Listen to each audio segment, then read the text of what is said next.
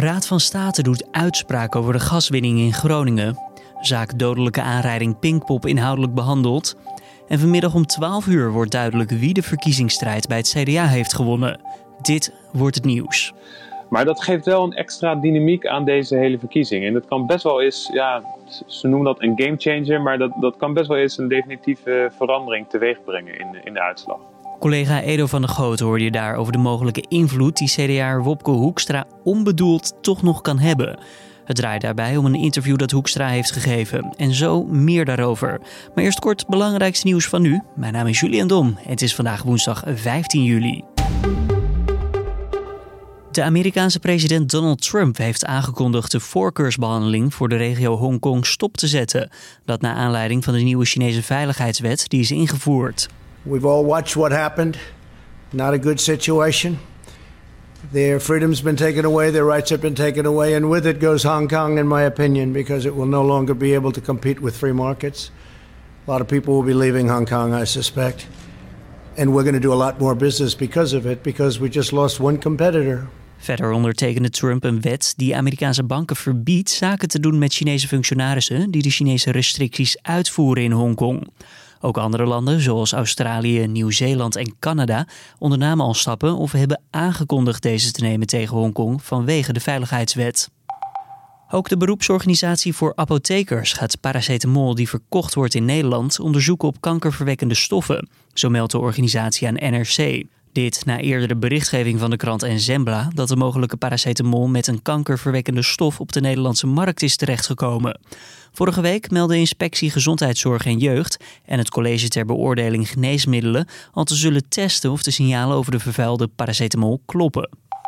Het misdaadbeeld in Nederland stond de afgelopen maanden compleet op zijn kop. Daarover schrijft het AD. Zo was er een flinke stijging te zien van het aantal aangiftes van WhatsApp-fraude en burenruzies, maar daalde de hoeveelheid zakkenrollerij enorm, aldus plaatsvervangend korpschef Lisbeth Huizer van de Nationale Politie. Vooral tijdens de coronamaanden van maart tot juni was er een sterke daling van zakkenrollerij in heel Nederland te zien, min 62 procent. Vooral de digitale criminaliteit nam in die maanden juist sterk toe. Bij een brand in Haarlem is een persoon om het leven gekomen. Uit onderzoek van de politie blijkt dat deze persoon door een misdrijf is omgekomen. Twee verdachten zijn vervolgens aangehouden. De politie heeft geen verdere informatie gedeeld over de zaak en komt later vandaag met een update. Dan ons nieuws van deze woensdag. Wie wordt de nieuwe lijsttrekker van het CDA? Vandaag wordt het rond 12 uur duidelijk wie heeft gewonnen. Pieter Omtzigt of Hugo de Jonge. Vorige week hadden we het er al eventjes over in de Dit Wordt Het Nieuws podcast. En toen bleek afgelopen weekend plots dat er een extra ronde nodig zou zijn. Daarin kon je eigenlijk ook een kantelpunt zien. Ik heb het erover met politiek verslaggever Edo van der Goot. Edo, wat is er sinds dit weekend nou veranderd? Ja, nou allereerst was natuurlijk wel de verwachting, tenminste de verwachting van uh, Hugo de Jonge, zei hij nog vrijdag, dat hij uh, zaterdag, uh, dat het dan wel gebeurd zou zijn. Het plan was natuurlijk dat, of het idee was natuurlijk dat degene die 50% plus 1 van de stemmen zou krijgen, de lijsttrekker zou worden. Maar dat is niet gebeurd, dus er is een zogenoemde derde ronde nodig. En uh, ja, zoals we weten is Mona Keizer is nu afgevallen en gaat het tussen uh, Kamerlid Pieter Omzicht en uh, de vicepremier en de minister van Volksgezondheid Hugo de Jonge. Het is een redelijke nek-en-nek race, hè? Ja, nou het verschil was natuurlijk wel duidelijk te zien. Alleen uh, ja, wat wel opviel is dat Hugo de Jonge die zat zo ja, tegen de 50% aan. Uh, en omzicht had zo'n 10 procentpunt minder. Dus dat verschil was ook weer niet zo heel groot. En wat eigenlijk ook wel opvallend is, uh, Mona Keizer behaalde zo'n 10% van de stemmen. Nou, al die mensen moeten nu gaan beslissen waar, uh, waar gaan we naartoe. en wat ook wel opvallend is, is dat eigenlijk 34% van de CDA-leden, want de CDA-leden kunnen stemmen, hebben niet hun stem uitgebracht ja, als die zich ook gaan roeren in die strijd, uh, dan kunnen er nog best wel uh, gekke dingen gebeuren. Want dat zijn gewoon heel veel stemmen die de uitslag natuurlijk ontzettend kunnen beïnvloeden. Dus het is nog lang geen gelopen race. Is er nog wat gedaan eigenlijk om dan die 34% toch ja, naar het, uh, ja, de stemwebsite te krijgen? Nou, er is natuurlijk wel, er wordt natuurlijk campagne gevoerd. Hè? Dus uh, er is een debat geweest, uh, veel media-aandacht die ze zelf hebben opgezocht. En uh, natuurlijk ook vanuit de media zelf is, is er veel aandacht geweest. Er is weer een debat geweest op, op de televisie. Dus nee, ze laat zich zeker, ze roeren zich zeker, ze, ze reizen het land door. Maar dat debat was niet echt spannend, toch? Of vond jij dat van wel? Nee, ja, ze deden vooral hun best. Het debat bij, uh, bij Op 1 deden ze vooral hun best om uh, ja, te zeggen dat, uh, dat CDA één team is en dat dit vooral toch alleen maar mooi is, zo'n lijsttrekkersverkiezing.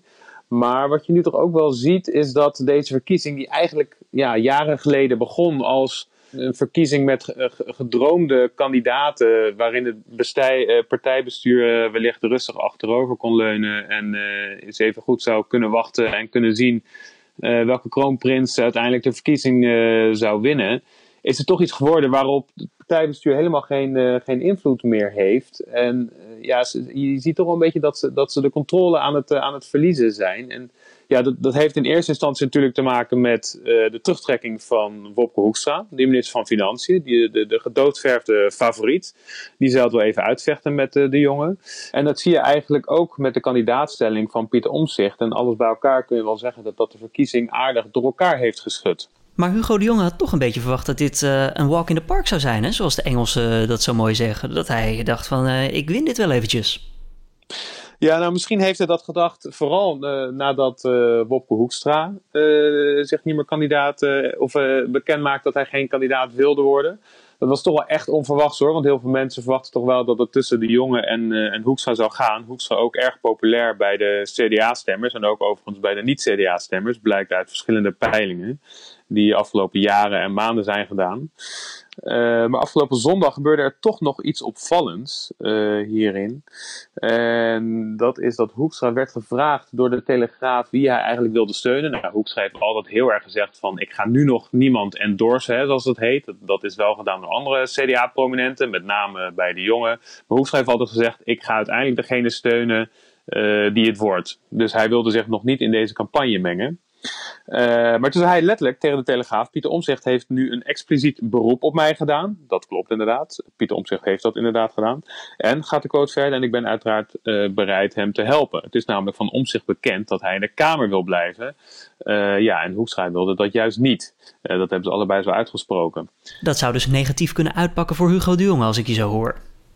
Ja, het, het, grappige is, daar eindigde de quote dus niet mee. Want hij vervolgde, als Hugo de Jonge mij iets persoonlijks zou vragen, soort gelijk zou vragen, dan zou ik hetzelfde antwoord geven. Alleen dat heeft eigenlijk bijna niemand gehoord.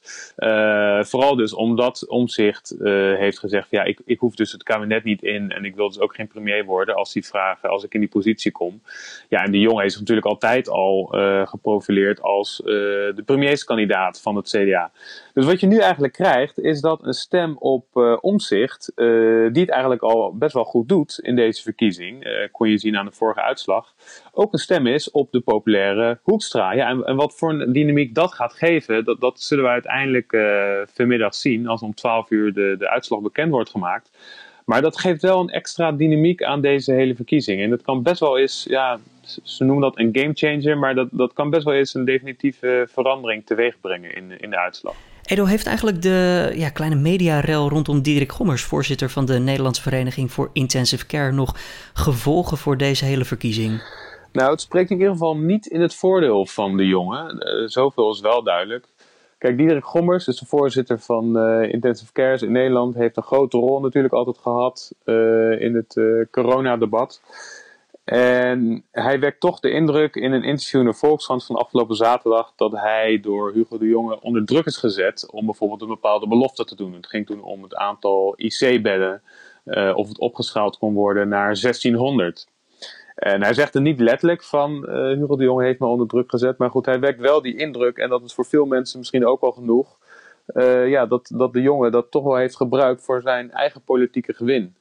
En of het veel invloed heeft, is natuurlijk niet te zeggen. Kunnen we achteraf alleen maar beoordelen. Maar het is zeker niet in het voordeel geweest. Dan eventjes naar de populariteit van deze verkiezingen. Want als we eerlijk zijn, slechts 40.000 CDA-leden die kunnen stemmen. En de rest van Nederland die kan enkel toekijken naar hoe deze verkiezing uitpakt. Waarom is er dan toch zoveel aandacht hiervoor? Ja, nou allereerst, kijk, de, de leden kunnen stemmen. Hè? Dus het zijn inderdaad de CDA-leden. Dat zijn, uh, dat zijn er een kleine 30 of een kleine 40.000. Uh, dus ja, het is niet meer zo populair om lid te zijn van een politieke partij. Ja, de reden dat het zoveel aandacht krijgt, is omdat dit op dit moment de enige partij is met een lijsttrekkersverkiezing. D66 heeft natuurlijk Sigrid Kaag gekozen. bij de VVD is het nog niet bekend, omdat Mark Rutte zich nog even de tijd wil gunnen om daar lang over na te denken of hij zich weer kandidaat stelt om uh, lijsttrekker te worden.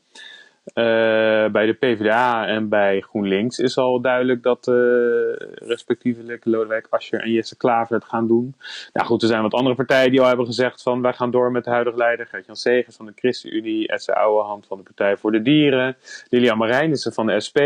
Dus ja, wat dat betreft is dit ook echt de enige uh, lijsttrekkersverkiezing uh, die op dit moment uh, speelt. Dus ja, daar is logischerwijs ook veel aandacht voor. Nog snel eventjes een blik naar volgend jaar dan, hè, de Tweede Kamerverkiezingen. je zei het al eventjes, het kan van invloed zijn wie er nu gekozen wordt. Waar moeten we dan aan denken? Wat zou dit betekenen voor het CDA bij een ja, Pieter Omzicht of Hugo de Jonge aan het roer? Ja, wat je ziet, de, ziet de, de, kandidaten zijn natuurlijk, zoals ze zelf steeds zeggen, van dezelfde club. Dus uh, ze denken wel over heel veel zaken hetzelfde. Uh, maar er zijn natuurlijk wel verschillen. En het, eigenlijk het duidelijkste verschil is als je, als je ze vraagt naar of ze samen willen werken met Forum voor Democratie van Thierry Baudet. Daar heeft de partij natuurlijk ja, slechte herinneringen aan om samen te werken met partijen die behoorlijk stukken rechts van, van hen staan. Kijk bijvoorbeeld naar de PVV in 2010. Uh, eh, dat was een gedoogconstructie in het uh, kabinet samen met, uh, met de VVD toen de tijd. Ja, en dat, dat, dat, heeft de partij zo intens verscheurd dat de jongen ook nu nog tien jaar na dato zegt: ja, dat, dat wil ik eigenlijk niet meer doen. Dat gaan we ook niet doen. Uh, als het aan mij ligt. En Omzicht zegt, ja, dat, uh, die, die, die, laat, die laat het nog op een kier. Die draait het eigenlijk om. En die zegt, Baudet heeft het CDA uitgesloten door allerlei dingen te roepen over, uh, over de christendemocraten. dus die draait het eigenlijk om. Ja, dat, dat, zijn eigenlijk, dat is eigenlijk het grootste verschil, verschil. Aan welke kant van het politieke spectrum ben je bereid concessies te doen? Edo van der Goot, politiek verslaggever bij nu.nl. Dankjewel voor je toelichting. En rond het middaguur dus wordt duidelijk wie de winnaar is. En dat lees je dan uiteraard op nu.nl. Maar dat is niet het enige wat vandaag te gebeuren staat. Er gebeurt namelijk meer. De Raad van State die doet uitspraak tegen het besluit van het ministerie van Economische Zaken om de gaswinning in Groningen vast te stellen op bijna 12 miljard kubieke meter per jaar. Daar zijn 12 beroepsschriften tegen ingediend door onder andere particulieren en de Groninger Bodembeweging. Dinsdag was er nog een aardbeving bij Loppersum te meten met een magnitude van 2,7. En bij de rechtbank in Limburg in Maastricht is de inhoudelijke behandeling van de strafzaak tegen Danny S. S wordt verdacht van het veroorzaken van een dodelijk verkeersongeval en het veroorzaken van zwaar lichamelijk letsel door onvoorzichtig of onoplettend te rijden naar Pinkpop 2018. Ook wordt hij verdacht van doorrijden na het ongeval. De zaak start om 9 uur deze ochtend.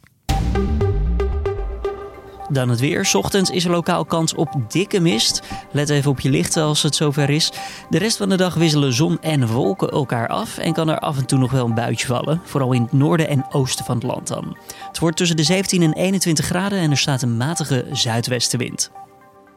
Om af te sluiten nog een nieuwtje uit de Formule 1. Vrijdag wordt er weer gereced op Hongarije. Althans, de vrije training is dan. Maar dit gaat over Sebastian Vettel, de Duitser die volgend jaar mogelijk alsnog in de Formule 1 rijdt. Ondanks dat Vettel geen nieuw contract heeft gekregen bij Ferrari, lijkt het alsof hij bij het nieuwe Aston Martin fabrieksteam aan de slag kan. Dat meldde althans Autosport en Beeld gisteren. Het nieuwe team is dit seizoen te herkennen aan de felroze kleur en heet nu nog Racing Point. En dan denk je misschien, als je fan bent van de Formule 1, hé, hey, maar daar zitten al twee mensen. Klopt. Vettel neemt volgend jaar, als alles doorgaat, naar verwachting het stoeltje over van Sergio Perez. En de Mexicaan heeft nu ook nog een contract voor volgend seizoen, maar daarin zou wel een clausule staan waarin de mogelijkheid staat beschreven om hem af te kopen. Hoe dat afloopt, zullen we waarschijnlijk op een later moment wel zien. Dit was dan de Dit wordt het nieuws ochtendpodcast van deze woensdag 15 juli. Tips of feedback, zoals altijd, stuur het even toe naar podcast.nu.nl en abonneer je op deze podcast. Hè. Dan help je anderen ons ook weer beter te vinden. Vanmiddag zit mijn collega Carné in de podcaststudio om je bij te praten over het nieuws van vandaag. En ik wens je voor nu een hele fijne woensdag. Tot de volgende.